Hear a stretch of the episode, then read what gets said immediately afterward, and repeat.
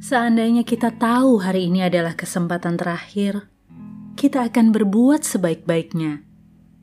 Masalahnya, tidak ada yang tahu kapan yang disebut kesempatan terakhir.